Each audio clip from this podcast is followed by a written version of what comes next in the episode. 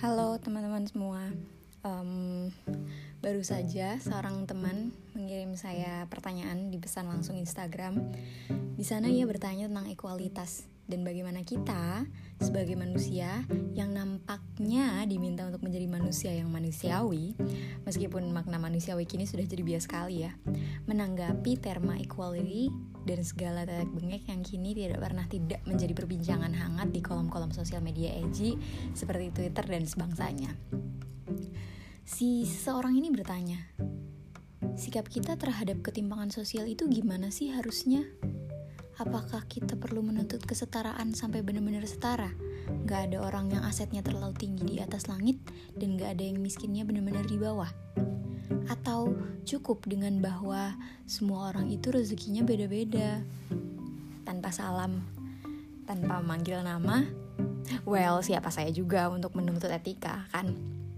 Kemudian saya jawab hmm, nggak ada harus dan tidak harus di dunia ini. Jadi harus dan tidak harus itu nggak ada di dunia ini. Soalnya sekuat apa pun kamu bilang harus akan tetap ada interpretasi lain atas hal tersebut. Setara yang bener-bener setara itu nggak ada. Tanazul bako itu bako. Nggak bisa nggak akan bisa seimbang. Tapi apa yang diperjuangkan orang-orang saat ini atas nama equality ya semerta-merta buat nyimbangin apa yang ada. Biar si rakus tahu diri bahwa banyak yang nggak mampu dan butuh di feeding tapi untuk sampai di goal bener-bener akan setara ya nggak bakal bisa Sampai kiamat orang miskin akan ada dan orang kaya akan ada. Jadi upayanya adalah biar si korporat tahu diri bahwa low income bahkan tidak ada income sama sekali itu exist. Biar yang sehari-hari makan barang-barang dua digit bisa ngurangin dengan sedekah, donasi, dan lain-lain. Atau biar government bisa ngasih tax ke orang-orang yang lebih pantas dapat tax. Kemudian seorang ia bertanya lagi, uh, meski dengan upaya itu tetap aja belum tentu bikin si korporat itu sadar dan kita masih memperjuangkannya.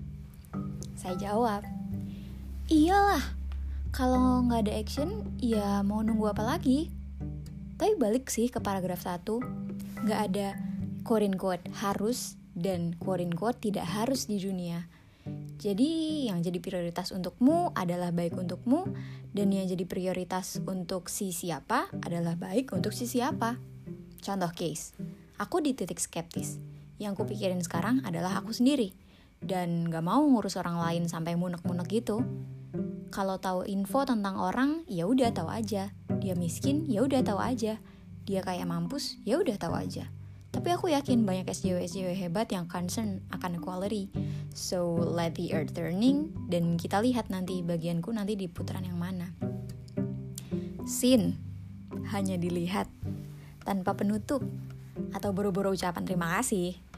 Well, tidak mengambil hal itu personally. Cuman ya bukannya baik ya kalau kita membiasakan beri salam atau ucapan terima kasih. Kan? Oke, okay, despite on that, Kemudian saya dipanggil mama, diajak sholat isya berjamaah, telat dua rakaat, dan saya jadi mamu masbuk. Dan itu nggak apa-apa, toh kualifikasi sempurna Allah juga yang tahu. Ya tapi jangan digampangin gitu ya. Uh, kalau kalian mampu dan bisa, jamaah full itu lebih baik dan well saya nggak ngejamin itu tapi saya yakin itu lebih baik menurut saya. So, kemudian setelah sholat, saya jalan lagi ke kamar memikirkan tentang apa yang tadi saya sampaikan kepada si siapa itu tadi. Dan saya kepikiran kalimat terakhir saya yang tadi, bunyinya, tapi aku nggak yakin eh tapi aku yakin banyak SJW SJW hebat yang concern akan equality so let the earth turning dan kita lihat bagianku di putaran yang mana so the question is coming like siapa ya sebenarnya orang-orang yang peduli I mean apa sih terma peduli itu tuh pantasnya datang untuk siapa sih? Siapa sih yang sebenarnya benar-benar peduli itu? And why? Dan kenapa gitu? Kenapa kita diberi rasa peka untuk orang lain? Padahal kita sendiri sedang kesusahan. Dan kali ini, well, beri saya waktu untuk memberi salut kepada baginda besar kita semua, kita semua yang historically baik sekali ke semua orang yang sudah jadi miskin pun masih sebaik itu untuk bagi-bagikan apa yang dipunya untuk orang lain. Siapa lagi kalau bukan Nabi Muhammad SAW? Oke, lanjut. tadi ke saya yang lagi sedang mikir tentang siapa sih yang sebenarnya orang yang peduli gitu. Siapa sih sebenarnya orang yang memikirkan orang lain? Orang yang sehari-harinya kurang pastinya memikirkan apa yang perlu dilakukan agar hari itu dia bisa makan, kan? Sedangkan orang yang kelewat kaya mungkin sudah berpikir jauh ke mana. Ya mungkin donasi atau sedekah jalan gitu. Cuman mungkin jumlahnya nggak seberapa kali ya kalau dibandingkan pengeluaran pengeluarannya AIOEO untuk lifestyle sehari-hari dan lain-lain. Akhirnya saya capek sendiri. Capek untuk memikirkan hal itu dan tiba-tiba terpikir analogi balkon, balcony yang pernah disebut sama Kak Afu di Frame and Sentences-nya, podcastnya beliau um, membayangkan tentang bagaimana orang bisa melihat dari balkon dan melihat what is happening actually in the uh, field. Melihat orang-orang yang sedang berpesta ada yang sedang duduk aja ada yang sedang nari ini itu ini itu. Cuman saya mikir orang yang hidup di dalam dunia seperti itu hidup uh, dengan rumah yang ada balkonnya terus uh, hidup dengan apa um, lifestyle yang dancing dan ada party lah intinya kayak gitu ya itu pasti datang dari orang-orang yang berprivilege gitu. Nggak mungkin datang dari orang-orang yang miskin-miskin amat. Atau sekalipun datang dari orang-orang yang miskin-miskin amat tuh pasti dia orang bijak gitu jadi kayak punya privilege untuk berada dalam naungan tersebut dan mungkin mem memilih untuk berada di balkon jadi mereka si bijak ini si bijak yang mungkin kurang kaya ini memilih untuk berada di balkon karena posisi dia ya sebijak itu dan berpikir ya udahlah hidup hidupin aja apa yang ada gitu. Sekali ini ya ya hidup sekali ini doang kan? Dibikin berarti untuk diri sendiri, keluarga, dan Tuhan. Nah, akhirnya saya jadi berpikir, sebenarnya siapa sih yang super berambisi untuk memunculkan equality ini? Harusnya sih nggak ada yang super berambisi kayak kita semua harus equal, kita semua harus setarakan gitu. Ya, itu menarik sih. Jadi saya mikir lagi, oh itu berarti para pemberi concern mungkin adalah mereka yang merasakan resah tidak terlalu rendah secara apa namanya um, income levelnya dan belum tentu juga juga bisa dibilang tinggi gitu. Maksudnya yang tinggi tinggi banget gitu. Jadi tidak miskin tapi tidak juga kaya dan ingin memeluk yang miskin. Mungkin benci pada yang kaya tapi tetap menikmati hasil dari kekayaan yang dia buat. Jadi kayak dengan lifestyle yang dia punya. Jadi masih bisa tergolong uh, sebagai orang yang cukup lah cukup tapi ke arah kaya gitu bisa jadi? Bisa jadi. Ini inget ya uh, disclaimernya ini pendapatnya aku doang. Kemudian muncul di benakku di benak saya analogi nggak tahu ya tiba-tiba kepikiran gitu. Kayaknya ini pasnya maraton deh. Jadi katakan ada lomba maraton. Dalam sebuah perlombaan maraton terbuka um, yang mana di situ ada embel-embel menangkan hadiah 10 juta gitu. Ada berbagai macam orang mendaftarkan diri. Ada yang miskin, sarapannya pakai nasi kucing doang, 10 juta ia mau perjuangkan untuk biaya sekolah. Ada juga yang berkecukupan, sarapannya pakai ini, itu, 4 sehat, 5 sempurna gitu. 10 juta mau dibuat beli laptop karena baru mau masuk universitas. Dan ada juga yang menengah ke atas tapi agak lebih atas lagi gitu. Yang makannya lebih dari 4 sehat 5 sempurna. Jadi ada plus tambahan vitamin, kalsium, mineral, dan segala macam obatan herbal gitu. Ya biar bisa menangkan uang 10 juta tadi. Nah kalau dia um, fascinatingly dipakai untuk nombokin ganti iPhone gitu katakan. Biar keren gitu. Ini gue beli sendiri pakai duit sendiri nggak pakai duit orang tua gitu. Jadi gue ikut lomba maratonnya gitu. Katakan seperti itu ya. Uh, kemudian um, di sisi lain juga ada anak miskin sekali yang miskinnya miskin banget gitu. Sarapan sarapan pun enggak gitu. Terus um, yang dia punya dan dibawa ke si perlombaan maraton ini ya cuma tekad. Ya mau gimana lagi? Orang tua sakit adiknya ngamen di pinggir jalan. Jadi 10 juta ini benar-benar akan ngubah hidupnya gitu niatnya mereka semua para peserta-peserta ini saling nggak tahu satu sama lain karena masuk ke masuk ke lapangan nggak ada disuruh um, presentasiin tentang kepribadian dan diri dan background keluarga gitu nggak ada.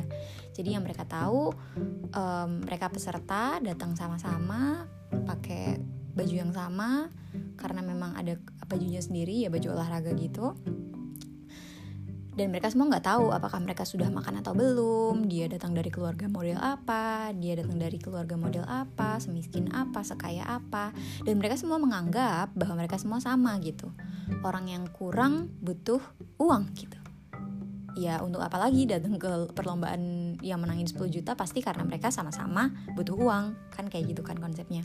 Kemudian ada sekelompok katakan uh, mahasiswa yang ingin mempelajari apa ya data demografi peserta lomba maraton ini gitu. Duduk di gor sayap kiri dan mulai mereka mempelajari AIOEO dan mulai mereka waswesus fafifu bicara ini itu tentang ini tuh nggak pantas. Setelah mereka ketahui itu background backgroundnya ini tuh nggak pantas ini nggak equal sangat tidak manusiawi.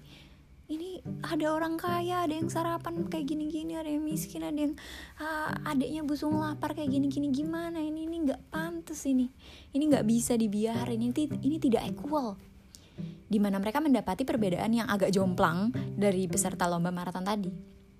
Si peserta, meanwhile, yang berdiri di tengah lapangan yang nggak tahu apa-apa, yang mereka tahu otot harus direnggangkan, persiapan dikuatkan, doa digencarkan gitu kan. Dan ya ya itu aja gitu, biar dapet tuh uang yang tadi. Uang yang mereka semua ingin perjuangkan renggangin sana sini sampai lama-lama nggak fokus gitu karena lihat di bangku penonton kok mulai pada nunjuk-nunjuk ke arah lapangan Kemudian suara-suara mulai terdengar. Sekelompok mahasiswa tadi mulai menyuarakan ketidaksetaraan yang mereka dapati. Peserta mulai trigger sendiri gitu. Lama-lama kan karena kedengeran kalimat ketidaksetaraan terus ada yang jadi ciut ada yang jadi lebih berani ada yang jadi percaya diri wah gue disupport gara-gara gue miskin gitu. Ada juga yang anjir gue dibilang privilege padahal apaan? Biasa aja gitu kan. Lapangan rame semua membahas tentang equality mulai ada debat sana sini menang ini itu. Saya yang harusnya menang saya yang harusnya uh, kamu yang harusnya kalah dan lain-lain dan lain-lain. Media mulai meliput terma baru muncul dan lalali lili muter aja di lapangan Well, ding ding dong, ternyata oh ternyata di sayap kanan sisi lain yang agak atas yang um, bisa ngelihat apa ya lapangan secara strategis banget gitu taunya ada sekelompok kaum yang duduknya kayak kursinya beda sendiri gitu. Ada tulisan VVIP very very important person di situ ada saluran eksklusif, menyiarkan langsung. Sultan A memberikan donasi sebesar 10 juta untuk lomba maraton. Sangat suportif ya, Bung. Baik hati. Uh, memberikan donasi tanpa ada apa unsur AIWO, tanpa unsur politik ini tapi ada unsur olahraganya. Milenial banget gitu, kata si reporter. Kemudian si Sultan yang disebut-sebut bisa AIWO tadi sambil menjelaskan ini itu dengan narasi charity dan yang ngehe banget gitu mulai ya gimana ya memang kita tuh harus merendah, kita tuh harus down to earth, kita harus memahami bahwa posisi di atas tidak membuatmu buta, kamu harus tetap memberikan donasi dan charity kepada orang-orang yang ada di bawah gitu. Dan itu menarik banget karena di lapangan yang riuh sama isu equality nggak kedenger sama sekali gitu isunya sampai ke ruangan VVIP. Ya karena sejauh itu gapnya, sejauh itu Soalnya ya gimana lagi kan? Well, mungkin itu kayaknya analogi dari hidup dan kasus equality. I mean equality. Apa kalau kamu nanya pada di akhirnya tuh kalau kamu nanya Rahel ada di mana gitu. Saya pikir untuk saat ini saya jawab saya ada di luar arena, di luar lapangan, hidup untuk ngais nafkah pakai upaya yang saya bisa Soalnya sulit kalau mikirin debat-debat di dalam lapangan. Toh yang paling menang dari yang menang ya si Borges-Borges di kursi VIP itu kan akhirnya. Well, ini mungkin apa ya untuk lebih dekat analogi ini mungkin untuk lebih mendekatkan um, gambaran tentang bagaimana equality berjalan di dunia yang cruel cruel banget kayak gini aku kayak ngehe banget ngomongnya setengah Inggris setengah Inggris. But well this is my podcast whatever. So udah panjang banget. Cukup keren karena ini podcastnya kayak cuman apa di di drafting kurang dari 15 menit. Kepikiran tadi terus langsung bikin draftnya gara-gara itu si siapa tadi nanya kan? Terus ngalir aja gitu sampai mampus. Well oke okay, selamat malam. Semoga submission dan segala macam hal lain yang gak membunuhmu tetaplah hidup meskipun capek. Saya Rahana Rajavi terima kasih sudah mau mendengar dan selamat malam